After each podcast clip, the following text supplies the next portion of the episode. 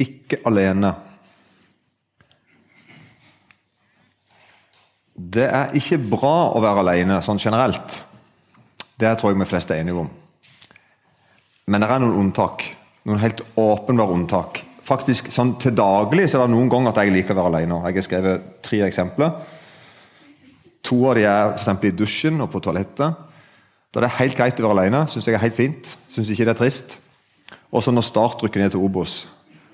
Og nå tenker jeg sikkert du at det skjer ikke, ikke, hver dag, men det er ikke langt ifra.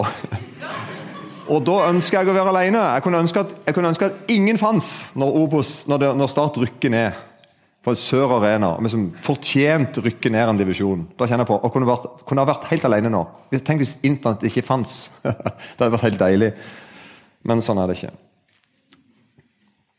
Når det gjelder akkurat det, tematikken ensomhet, så har vi opplevd i, her i Logos så har vi opplevd en enorm interesse og respons rundt tematikken ensomhet. Og vi er veldig glad for responsen, selvfølgelig. ikke sant? Samtidig er vi jo lei oss for at det er sånn. At veldig mange folk i Norge opplever ensomhet. Med alle de tingene det medfører. Og da er det en interessant ting, nemlig at mange ensomme er ikke alene. Det kan være på den. Hvis du spør folk som er ensomme om de er alene, så sier mange at nei, de er faktisk, det er noe av det mest ensomme med det. At jeg faktisk Det er noen rundt meg. Sånn både her og der. Men jeg er på en måte alene allikevel, eller ensom allikevel. Så det går an å være ensom med mange rundt seg. En annen ting det går an å være med i farlige fellesskap. Og det vil jeg snakke med dere om først. Det er noen fellesskap det hadde vært bedre å ikke vært med i. Det hadde vært bedre å vært alene. Og Et av de farligste fellesskapene med det som i Bibelen Det er ganske mange farlige fellesskap der, men et av de første og største og farligste fellesskapene som Bibelen presenterer, er første Mosebok. Et megasvært fellesskap. Faktisk så står det sånn i første Mosebok 11.1 i 1. Mosebok 11 og vers 1 så står det sånn Hele jorden hadde ett språk og samme ord. Det går ikke an å bli mer felles enn det. EU blir jo kjempeliten i forhold til. Hele jorden hadde felles, hadde ett språk og samme ord. Det skjedde da de dro fram mot øst, at de fant en slette i landet Siniar, eller Siniar, jeg er ikke sikker på å uttale det, og de bosatte seg der. De sa til hverandre kom, la oss gjøre teglstein og brenne dem godt. De brukte tegl til stein og jordbekk i stedet for mørtel. Så sa de kom, la oss bygge en by og et tårn som når opp til himmelen. La oss gjøre oss et navn, ellers blir vi spredt over hele jorden. Det dette store fellesskapet her gjør, faktisk alle i hele verden, er stikk i strid med oppdraget med stor ord som de fikk av Gud. Gud hadde sagt ganske lenge før i tid, men bare, bare ti kapittel før i Bibelen Men da hadde Gud sagt, når han skapte menneskene i sitt bilde, 1. Mosebok 1,27, og Gud skapte mennesket i sitt bilde I Guds bilde skapte han det, til mann og kvinne skapte han dem. Og så kommer det. Og Gud velsigna dem.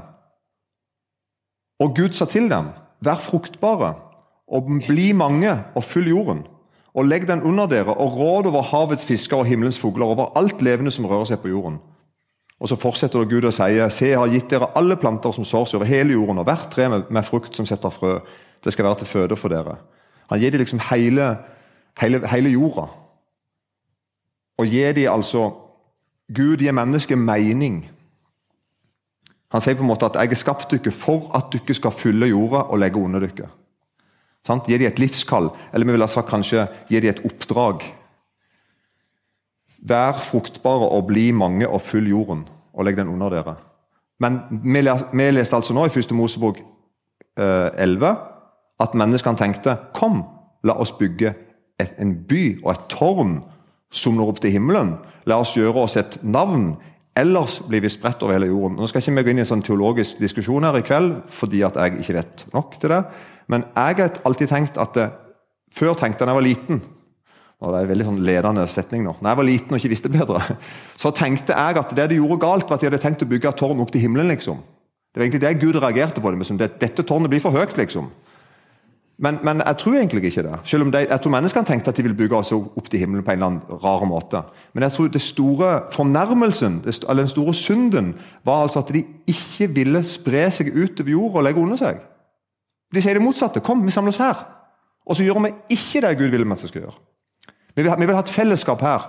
Og da altså, sier Gud at det fellesskapet begynner å bli farlig. Og I løpet av disse elleve første kapitlene i Bibelen så leser vi om at Gud møter opprørske mennesker flere ganger. og han, han, Gud møter dem med bortvisning eller utdrivelse. Og det, vi ser at Når Gud gjør det, så er det en straff. Men det er ikke bare en straff. Det er et vern. Gud vet at noen fellesskap er livsfarlige. Gud vet at noen miljøer er sånn at hvis dette miljøet får lov til å leve sitt eget liv og gjøre som de vil, så kommer det til å gå skikkelig gale. Og Da griper Gud inn og straffe, ja, men samtidig er det et vern i straffen. Vi vet ikke vårt eget beste. Et vern mot Guds evige vrede. Første gang vi leser om det, er Adam og Eva som drives ut av hagen. Og Det er en straff, og det er et vern. Andre utdrivelse, om du vil, er kjempestor. Det er Noah, da Gud rett og slett berger bare familien Noah. Resten må vekk. Og Den tredje gang møter vi det her da, i 1. Mosebok 11, om, det, om tårnet i Babel. Babels tårn. Nå er jeg tilbake altså i 1. Mosebok 11, vers 5. Da steg Herren ned for å se byen og tårnet som menneskenes barn bygde. Og Herren sa, Se, de er ett folk, og de har alle samme språk. Dette er det første de foretar seg. Nå vil ingenting være umulig for dem, hva de så får i sinne å gjøre. Legg forresten merke til at Gud snakker i oss og vi her. Den treenige Gud. Gud ser et farlig fellesskap i Babel som er i ferd med å ødelegge seg sjøl. Som ikke følger det oppdraget de fikk, sånn som Gud skapte menneskene til å være. Derfor må vi si at Gud dreper på en måte ikke kreativitet og skaperglede. Det er ikke det Gud slår ned på, at han ikke liker folk som bygger tårn, eller folk som bygger så høye tårn, eller folk som bygger tårn av sånn type ting. Eller. Det er ikke poenget til Gud. Det ser vi. Han rett og slett ser at dette her kommer til å gå gale. Kom, la oss stige ned, vers 7 da, i 1. Mosebok 11. Kom, la oss stige ned og forvirre deres språk, så de ikke forstår hverandres tale. Det er Guds godhet at han spretter menneskene. Og Jeg vil egentlig si at det var ganske skånsomt og egentlig bare forvirra språket litt. Sånn at folk plutselig ikke kunne være sammen sånn som de var før. Og så ble folk på en måte spredt rundt forbi. Og bare før vi glemmer det En dag skal Gud samle alle menneskene fra hele verden. Det står i Johannes' åpenbaring 7,9, siste boka i Bibelen, Sant? Første Mosebok er første bok i Bibelen, og var den siste boka i Nytestamentet. Deretter så jeg å se en stor skare som ingen kunne telle, av alle folkeslag og stammer og folk og tungemål. Her er det folk med alle slags språk og dialekter og, og forskjellige måter å snakke på. Og nå står de sammen. De faktisk sto for tronen og for lammet. Kledd i lange, hvite kapper og med palmegreinen i sine hender. Og de ropte med høy røst og sa:" Frelsen tilhører vår Gud, Han som sitter på tronen, og lammet. Og Tilgi meg at det er kanskje litt barnslig, men jeg er litt lurt på hvordan det, den lovsangen høres ut. Om alle sier det på ett språk, og om det er nynorsk, sånn som noen tror. Eller om, om, de, om de, på en måte bare vi, med, på en måte, vi snakker forskjellige språk, men vi, samme, men vi snakker samme språk likevel. Er du ikke med på den? Noe rart fellesskap. Menneskene kan oppnå mye med å stå sammen.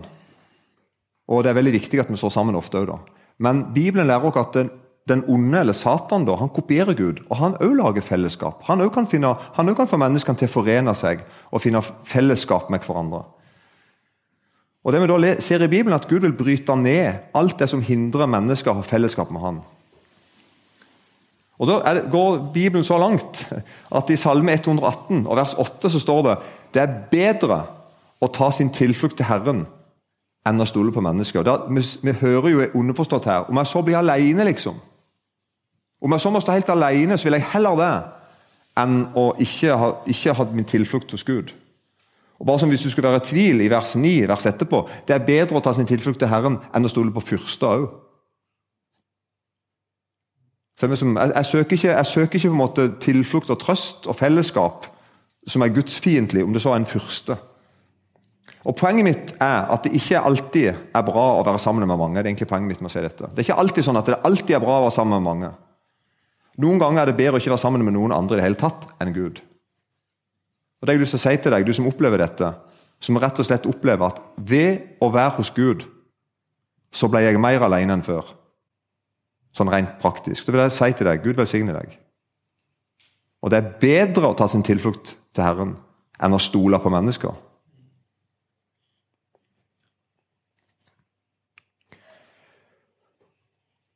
Du er altså ikke alene. Det er poenget. Du er hos Herren. Men nå vil jeg si noe om det å være alene. Jeg vil prøve å sette ord på noe helt forferdelig.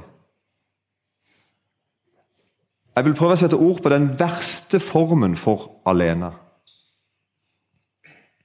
Hvis du slår opp i en synonymordbok, noe jeg liker å gjøre Hvis du tar ordet 'alene' og så leter du etter synonymer, så finner du mange synonymer. Her er noen av dem. Ensom, separat, venneløs, øde, enslig, isolert, uten selskap. Vi skjønner tegninga. Ikke sånn veldig kjekke ord, men allikevel. Det er enda verre. Forlatt. Og her er det verste fortapt. Der finnes ikke der finnes ikke en verre tilstand enn å være fortapt. Det finnes ikke noe dypere ensomhet eller noe mer alene enn å gå fortapt og være fortapt. Og Gud han har venner som er i krig, og som er i sult, og som er forfulgte, og som er ensomme, og som er syke, og som er fattige. Gud har alle slags, folk i alle slags situasjoner. Kort sagt, Gud folk, Guds folk har det ofte tøft. Og det er enda verre, skulle jeg si, enda rarere. Gud tillater det.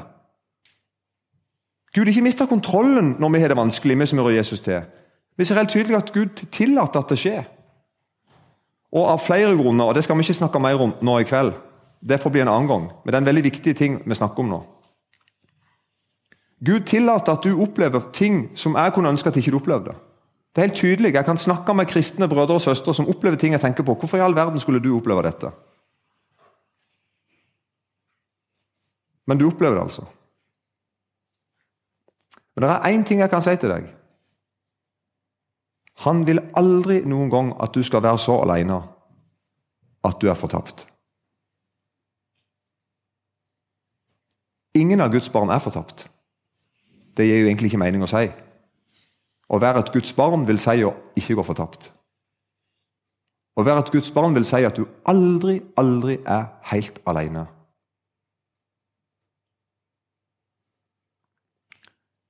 Gud lar deg aldri fortapes. Hvis han får sin vilje med livet ditt. Da skal du aldri fortapes. Du skal aldri bli så alene.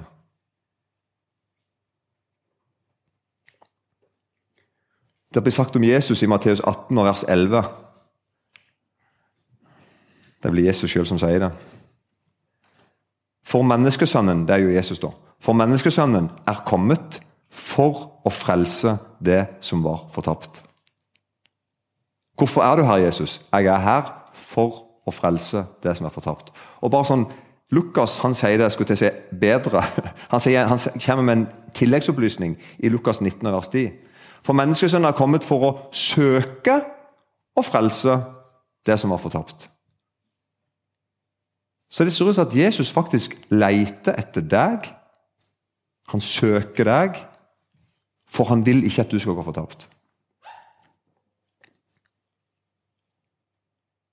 I Matteus 18, da, i vers 14, så står det slik er det heller ikke deres himmelske fars vilje at den eneste av disse små skal gå fortapt.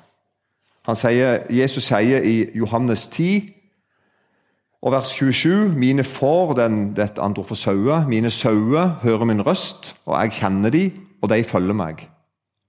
Og jeg gir dem evig liv, og de skal aldri i evighet gå fortapt. og ingen skal rive dem ut av min hånd. Min far, som har gitt meg dem, er større enn alle, og ingen kan rive dem ut av min fars hånd. Jeg og Faderen er ett. Du er ikke alene. Du har en herre som lover deg at du ikke skal gå fortapt. Og Fortapelsen det kan man si mange ting om. jeg skal si et par nå. Fortapelsen er en situasjon der han er så alene som det går an. Selv om det er mange andre til stede der. Det er bare én som har overlevd den situasjonen her. Og det kommer det bare til å bli han ene sånn dypt sett som i egen kraft har gjort dette. Det er bare én som har opplevd å overleve Guds forlatthet i sin ytterste konsekvens. Det er å rett og slett være fortapt. Og Det er bare én som kommer til å gjennomføre og møte Gud med synd, inn under Guds dom og forbannelse og dødsstraff, og overleve. Vi sier om Jesus for ned til dødsriket, sto opp for de døde tredje dag, for opp til himmelen. Vi sier det. Hvis du søker i et synonymordbok på ordet 'fortapt', da får du opp ord som 'bortkommen', 'desorientert', 'dødsdømt', 'hjelpeløs', 'solgt'. Jesus ble solgt for 30 sølvpenger. Utenfor. Sånn opplever Jesus det sjøl når han henger på korset i Matteus 27, vers 46. Og Ved den niende time ropte Jesus med høy røst, 'Eli, Eli, lama sabachthani'. Det betyr Min Gud, min Gud, hvorfor har du forlatt meg?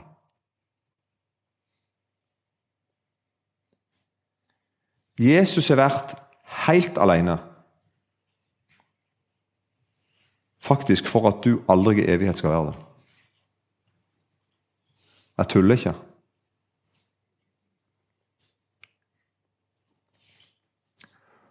Når Jesus da står opp ifra de døde, så forteller han dem at han, nå skal han reise opp til himmelen. Han skal ikke være fysisk på jorda mer. Og Disiplene blir jo selvfølgelig eh, stressa og lei seg og med som oppskjørta. Hva nå, liksom? Hva skal vi nå gjøre? Og da, da sier Jesus til disiplene sine når han forteller dem at nå, nå skal jeg reise opp til far, og det skal være sånn. Men, sier han i Johannes 14, 18, jeg skal ikke etterlate dere fareløse. Jeg kommer til dere. Og så forteller Jesus, ikke sant? at når jeg nå reiser opp til far, så skal jeg be far om at han må sende ned talsmannen Den hellige ånd. Og så skal han komme. Og så sier jo Jesus her at det er egentlig akkurat det samme som at jeg er her fortsatt. og Jesus forstår det. Dette, kan, dette vil jeg si til deg òg, du som hører Jesus til. Du er ikke farløs. Du er ikke foreldreløs. Du er ikke alene. For det har Jesus sagt. Ja, faktisk sier han at om noen elsker meg, da holder han fast på mitt ord. Og min far skal elske ham, og vi skal komme til ham og ta bolig hos ham. Like godt sånn. Gud, den treenige Gud, bo hos deg. Vil være hos deg. Så Guds barn er aldri alene. Det går på en måte ikke per definisjon an. Det å være Guds barn er på en måte per definisjon å ikke være alene. Det går ikke an. Den hellige ånd bor i meg. Du er ikke foreldreløs og ikke alene. Takk, Jesus, at det er sånn. At du vet hva det vil si å være alene, mer enn noen annen her som hører på. Og takk at du gjorde det for oss. Amen.